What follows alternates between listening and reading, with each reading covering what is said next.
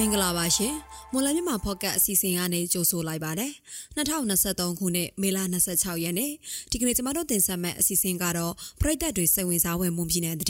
ပြည်တွင်းတဲ့နဲ့အာဆီယံတဲ့တဲ့ပေးပို့ချက်ပြည်သူတွေသိထားတဲ့နေ့စဉ်ကုန်စည်နှုန်းတဲ့အချို့တွေကိုအစီအစဉ်ပထမပိုင်းမှာရွေးချယ်တင်ပြပေးသွားမှာဖြစ်ပါတယ် ဒါအပြင်ငင်းချင်းရေးကိုအာမခံတဲ့ဖက်ဒရယ်ကိုစစ်ကောင်စီကနေပေးအပ်မည်မဟုတ်ဘူးဆိုတဲ့သတင်းပေးပို့ချက်ကိုလည်းတင်ဆက်ပေးပါမယ်။ဟုတ်ကဲ့ပါဒီကနေ့အစီအစဉ်မှုကတော့ကျမနွန်တဲ့ကတာဝန်ယူတင်ဆက်သွားမှာဖြစ်ပြီးကျမနဲ့အတူကိုဟာကာကသတင်းတွေကိုကူညီဖတ်ကြားပေးသွားမှာဖြစ်ပါတယ်။နားဆင်ကြတဲ့ပရိသတ်အားလုံးကိုမင်္ဂလာပါလို့နှုတ်ခွန်းဆက်တာပါရစေ။ကျွန်တော်အားကနွန်တဲ့နဲ့တူသတင်းကိုကူညီတင်ဆက်ပေးသွားမှာပါ။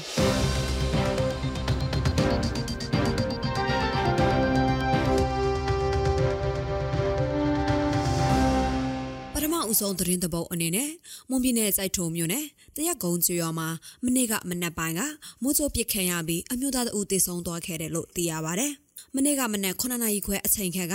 မိုးသက်ထန်စွာရွာသွန်းချိန်မှာစိုက်ထုံမြို့နယ်အပိုင်ကျေးရွာအုပ်စုတရက်ကုန်းကျေးရွာထိုင်တော်မူဖျားအနီးရောဘာချန်နယ်ကနေအိမ်မှာရှိတဲ့လင်မယားနှစ်ဦးမိုးချိုးထိမှန်ခဲ့တာဖြစ်ပါတယ်။ မိုးစိုးထိမှန်မှုကြောင့်အမျိုးသားဖြစ်သူနိုင်လင်းထွန်းခကောက်ကောင်ဟာနေရာမပဲပွဲချင်းပြီးတည်ဆုံသွားခဲ့ပြီးစနေဖြစ်သူမတဲ့စုမိုကတော့မိုးစိုးဆက်ကွင်းထိပြီးမိလောင်တန်ရာရရှိခဲ့ပါတယ်။မိုးစိုးထိမှန်တရားရရှိတဲ့အမျိုးသမီးကိုကြိုက်ထုံမျိုးနယ်ပြည်သူစေယုံကိုပို့ဆောင်ပြီးစိတ်ကူတာမှုခံယူနေရတယ်လို့သိရပါတယ်ရှင်။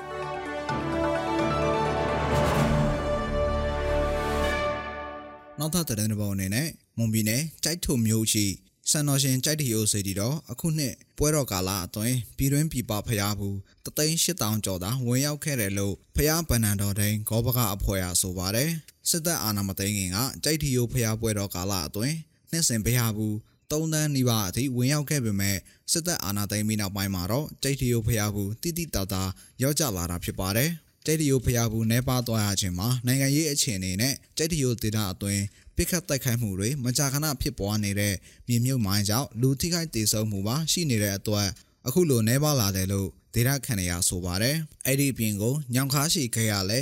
ဖျားဖူးအဝင်နှဲသွားတဲ့အကြောင်းရင်းတစ်ခုဖြစ်တယ်လို့ဒေတာခန်ရပြောပါတယ်ကြိတ်တီယိုဖျားဖူးနှဲပါလာတဲ့အတွက်ကြိတ်တီယိုဒေတာရှိတေကိုခန်းစားတောက်ဆိုင်စည်းဆိုင်တွေနဲ့တခြားလုပ်ငန်းလုပ်ကိုင်နေကြတဲ့သူတွေအရှုံးပေါ်ပြီး အခက်အခဲနဲ့ရင်ဆိုင်ကြုံတွေ့နေရတယ်လို့ဆိုပါတယ်ခင်ဗျာ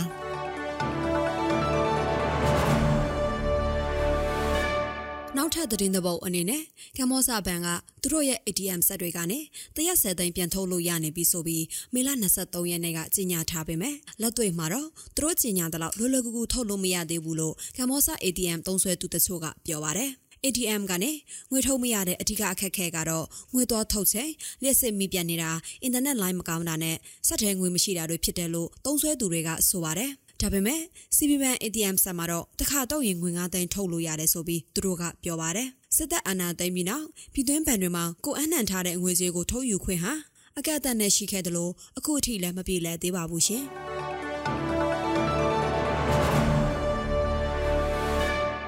နောက်ထပ်တဲ့ဘောအနေနဲ့မိုးခမောင်တိုင်းအပြင်းအထန်တိုက်ခတ်ခဲ့တဲ့ရခိုင်ပြည်နယ်မှာစာတင်ကျောင်းတွေအများအပြားပျက်စီးခဲ့ပေမဲ့စစ်ကောင်စီကလာမယ့်ဇွန်လမှာပုံမှန်အတိုင်းစာတင်ကျောင်းတွေဖွင့်လှစ်ဖို့စီစဉ်နေပါတယ်။စစ်ကောင်စီကပုံမှန်အတိုင်းကျောင်းတွေပြန်ဖွင့်ဖို့စီစဉ်နေပေမဲ့လက်ရှိအခြေအနေမှာတော့စာတင်ကျောင်းတွေအဆင်သင့်မဖြစ်သေးပါဘူး။ရခိုင်ပြည်နယ်မှာစာတင်ကျောင်းပေါင်း3000ကျော်ရှိပြီးမိုးခမုန်တိုင်းကြောင့်1300ကျော်ထိခိုက်ပျက်စီးသွားခဲ့တာပါ။ လက်ရှိမှာတော့စစ်ကောင်စီကနေအချိန်မီကျောင်းဖွင့်နိုင်အောင်မြို့ပေါ်ကျောင်းတွေမှာပြုပြင်မှုတွေလုပ်နေပေမဲ့ကျစ်လက်ကကျောင်းတွေမှာတော့လှုပ်ဆောင်တာမရှိသေးဘူးလို့ဒေတာခန်ရရဆိုပါတယ်စစ်ကောင်စီကလည်းမေလ23ရက်နေ့ရာစလို့ရခိုင်ပြည်နယ်အတွင်းမှာကျောင်းအပ်လက်ခံနေတာဖြစ်ပါတယ်ခင်ဗျာ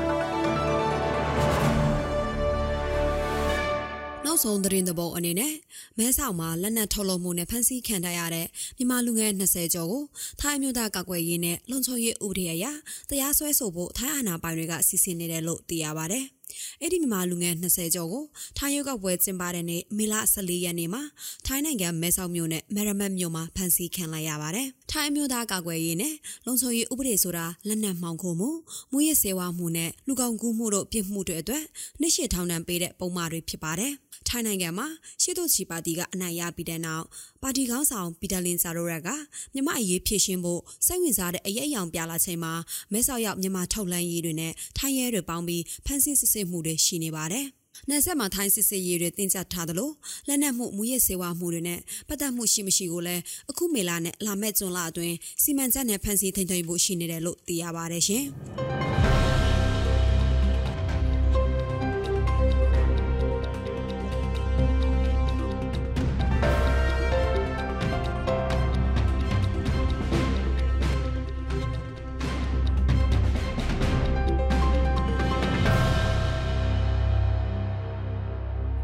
ဆက်လက်ပြီးပြည်သူတွေသိထားတဲ့နေ့စဉ်ကုန်စည်နှုန်းသတင်းအချို့တွေကိုမော်လမြိုင်ကုန်စည်တိုင်းကအချက်လက်တွေကိုအခြေခံပြီးကျမနွန်တယ်ကတင်ဆက်ပေးပါအောင်မယ်။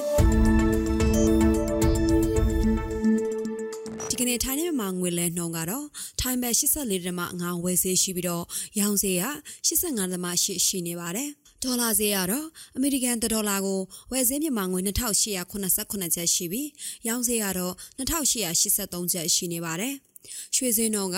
မီလန်16ပဲရေတစ်ချက်သားကိုအပြင်ပေါက်စေ330ဝန်းကျင်မှာရှိနေပါတယ်။73စီတွေကတော့ဒီဇယ်တလီတာကို1960ကျပ်အောက်တိန်62တလီတာကို2080ကျပ်နဲ့65တလီတာကို2185ကျပ်အထိရှိနေပါတယ်။စံစင်းတို့ကတော့အကောင်စားပေါ်စမွေ108ပေါင်အမြင့်ဆုံးကို83,500ကျပ်အလလတ်တန်းဆက်အမျိုးအစားပေါ်ကျွဲ108ပေါင်အနှိမ့်ဆုံးကို92,500ကျပ်နဲ့ အမထဆန်တွေကတော့108ပေါင်အနှိမ့်ဆုံးကို6500ကျပ်နဲ့အမြင့်ဆုံးကို6900ကျပ်အထိရှိနေပါတယ်။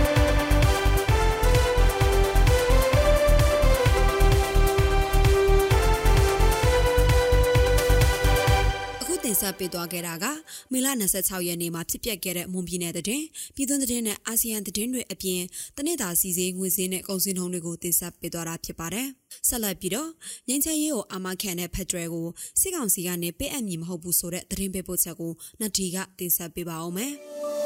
။ တိုင်းရင်းသားတွေလူချင်းတဲ့ငြိမ်းချမ်းရေးလူခွင့်ရေးများကိုအာမခံတဲ့ဖက်ဒရယ်ဒီမိုကရေစီကိုစစ်ကောင်စီကနေရရှိမှာမဟုတ်ဘူးလို့ကရင်ပြည်နယ်လူခွင့်ရေးဖွဲ့ကပြောလိုက်ပါတယ်။ကိုပိုင်ပြတန်းခွင့်အပြည့်အဝရှိသောဖက်ဒရယ်စနစ်ကိုစစ်ကောင်စီဘက်ကမျှော်လင့်လို့မရကြောင်းပြောလိုက်တာဖြစ်ပါတယ်။အာလိုလိုလေးတော့တော့ရပါတယ်။နံပါတ်1ချက်ကတော့စစ်ကောင်စီကပေးတဲ့ဖက်ဒရယ်ကတော့ဘယ်တော့မှကျွန်တော်တို့တို့တိုင်းရင်းသားတွေလူချင်းနဲ့ဟောလေ တကယ်ကိုငင်းချမှုကိုအမခံတဲ့ လူခွင့်ကိုအမခံတဲ့ Federal Democracy ကတော့ စစ်တပ်ကနေပြီးတော့မှရရမှာမဟုတ်ဘူးပေါ့နော်။ဆိုသူတို့ပြောနေတဲ့ ပုံစံကြည့်လိုက် ဘယ်လိုမှကိုခဏတို့လိုတို့တောင်ဝင်ရှိတုံးပါကနေ လက်ဟိုမချတဲ့အတွက်ကြောင့်မို့ ဒီဟာက တိုင်းနာတွေ တောင်းဆိုနေတဲ့ Federal ကလည်း ဘယ်တော့မှ ဖြစ်လာမှာ မဟုတ်ဘူးပေါ့နော်။ လက်ရှိစစ်ကောင်စီကိုဖျောက်ချပြီးမှသာလျှင်မိမိတို့လိုချင်တဲ့ Federal Democracy ကိုတည်ဆောက်ရရမှာဖြစ်တဲ့အတွက်စစ်အာဏာရှင်စနစ်ကိုဝိုင်းဝန်းတိုက်ထုတ်ရမယ်လို့သူကဆက်ပြောပါတယ်။လက်ရှိမှာတနိုင်ငံလုံးပြစ်ခတ်တိုက်ခိုက်မှုရစရေးသဘောတူစာချုပ် MCA လက်မှတ်ရေးထိုးထားတဲ့ရှမ်းပြည်ပြည်လဲထူထောင်ရေးကောင်စီ RCSS မွန်ပြည်သစ်ပါတီ NNSP ပို့မျိုးသားလူမျိုးရေးအဖွဲ့ချုပ် PNLO ရခိုင်ပြည်လူမျိုးရေးပါတီ ARP ကရင်အမျိုးသားစီယောင်ကရင်အမျိုးသားလူမျိုးရေးတပ်မတော်ငြိမ်းချမ်းရေးကောင်စီ KMU KNLA PC ဒီမိုကရေစီအကျိုးပြုကရင်တပ်မတော် TKPA လာဟုဒီမိုကရက်တစ်အစည်းအရုံး ADU နဲ့စစ်ကောင်စီတို့ငြိမ်းချမ်းရေးတွေ့ဆုံဆွေးနွေးထားပါတယ်။ ဒါအပြင်မြောက်ပိုင်းလန်နဲ့ကင်တပ်ဖွဲ့များဖြစ်တဲ့ဝါပြည်သွေးစည်းညီညွတ်ရေးတပ်မတော် UWSA အမျိုးသားဒီမိုကရေစီမဟာမိတ်တပ်မတော် NDAA ရှမ်းပြည်တိုးတက်ရေးပါတီ SSPP SSA တို့နဲ့လည်းတွေ့ဆုံဆွေးနွေးခဲ့တဲ့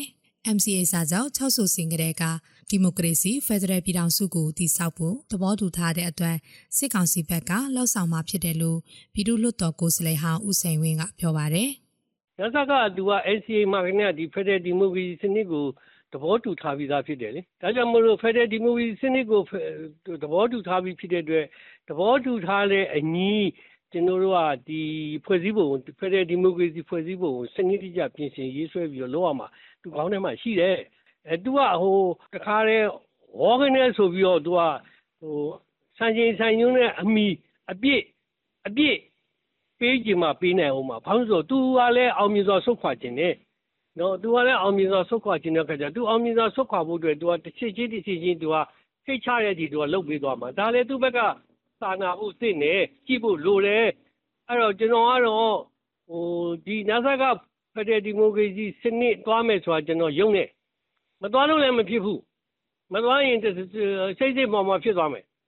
ဖက်ဒရယ်ဒီမိုကရေစီပြည်ထောင်စုကို တည်ဆောက်ဖို့အတွက်ဆို ပြည်내အလိုက် ဖွဲ့စည်းပုံအပါအဝင် ပြည်ထောင်စုအစည်းဖွဲ့စည်းပုံကိုပါ ရေးဆွဲရမှာပါ ကရင်ပြည်နယ်လူခွေရဲဖွဲ့မှကိုပညာပြောတဲ့ကဲ့သို့စစ်ကောင်စီတော်လန်တိုက်ပွဲဝင်နေတဲ့တိုင်းရင်းသားတော်လှန်ရေးအဖွဲ့အစည်း ERO တို့အနေနဲ့ပမာစစ်တပ်ကပေးတဲ့မြစ်တိကတိကဝတ်ကိုမှမယုံကြည်ကြတော့ပါ AUG အပါဝင် PDF တော်လှန်ရေးရာစုတွေမှာလည်း2008ဖွဲ့စည်းပုံခြေကဥပဒေတိုင်းဆက်သွယ်၍မဖြစ်သောကြောင့်သိရှိနားလည်နေဒီမှာကြာပြီဖြစ်ပါတယ်။ ဒါကြောင့်စစ်တပ်မှရေးဆွဲထားတဲ့2008ဖွဲ့စည်းပုံကိုဖျက်သိမ်းပြီး Federal Democracy ပဋိညာအစိပ်ပိုင်းတင်နဲ့အစိပ်ပိုင်းနှစ်ကိုရေးဆွဲခဲ့ပါတယ်။ Federal Democracy ပဋိညာအစိပ်ပိုင်းတင်မှာအနာဂတ် Federal Democracy ပြည်ထောင်စုတည်ဆောက်ရေးကိုလမ်းပြမြေပုံနှစ်တကွဖော်ပြထားပြီးအစိပ်ပိုင်းနှစ်မှာတော်လှန်ရေးကာလကြာကာလအတွင်းစစ်အာဏာရှင်ကိုတိုက်ပွဲဝင်နေတဲ့အဖွဲ့အစည်းတည်တည်တို့ရဲ့အခမ်းကဏ္ဍကိုဖော်ပြထားတယ်လို့သိရပါတယ်ရှင်။